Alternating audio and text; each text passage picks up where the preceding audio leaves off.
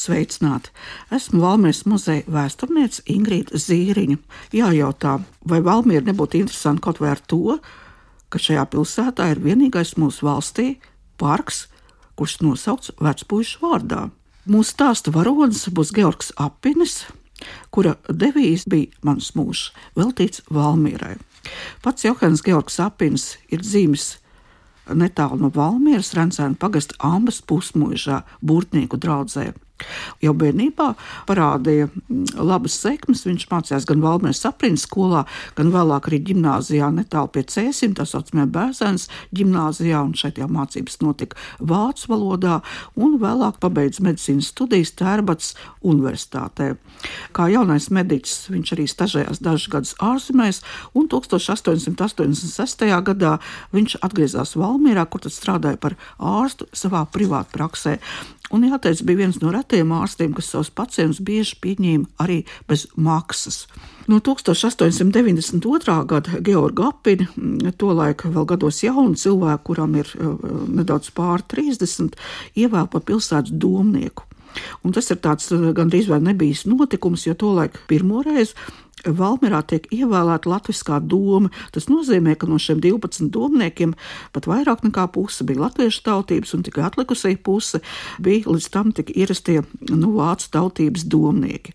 1906. gadā, kad Apins jau sevi pierādījis kā labs vietējais politiķis, viņu ievēl arī par Valmjeras pilsētas galvu. Un jāteic, ka viņš ir arī pirmais latviešu tautības pilsētas galva. Kā pilsētas galva, tad viņš strādā līdz 1910. gadam, un šajā laikā lielu daļu savus personīgos finanšu līdzekļus iegulda dažādos projektos.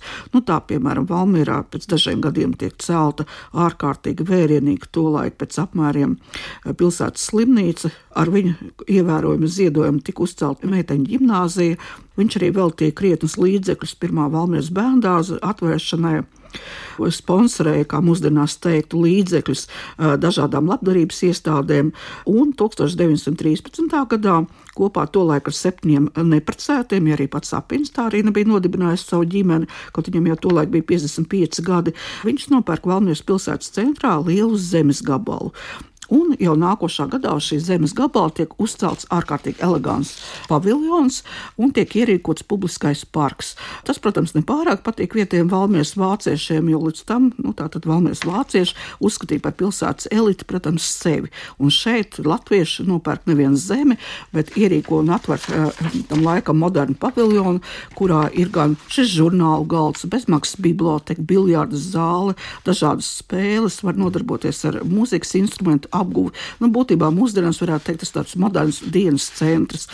Un 1914. gada 14. jūnijā pēc parka atvēršanas, tā kā vairums šie kungi patiešām nebija to laiku precēti, eh, dažs labs bija sadarbinājies, tad Valmīrieši šo parku nodēvē par vecpuišu parku.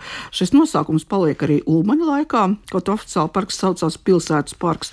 Par vecpuišu parku viņi sauc arī padomu laikā, kad padomu laikā šim parkam piekarnēja gan komjauniešu parka nosaukumu, gan vēlāk amatnieku parku, bet jāsaka vecpuišu parks, tas ir neizzudošs nosaukums. 1989. gadā, kad tika atjaunots iepriekšējais nosaukums Vecpuļu parks, nu, tad joprojām varam vienīgie Latvijā lepoties ar šādu īpašu parku un ar tādu interesantu nosaukumu. Nu, lai nomierinātu klausītājus, jāteic, ka vienīgais neprecētais kungs laika gaitā palika pats Georgs Apinis. Un savulaik viņam draugi esot sveikuši vienā no dzīves jubilejām un novēlējuši atrast viņam piemērotu dzīves draugu, tad viņš esot ar lielu lielu pašcieņu atbildēs: Mana mūža līga ir Valmieras pilsēta.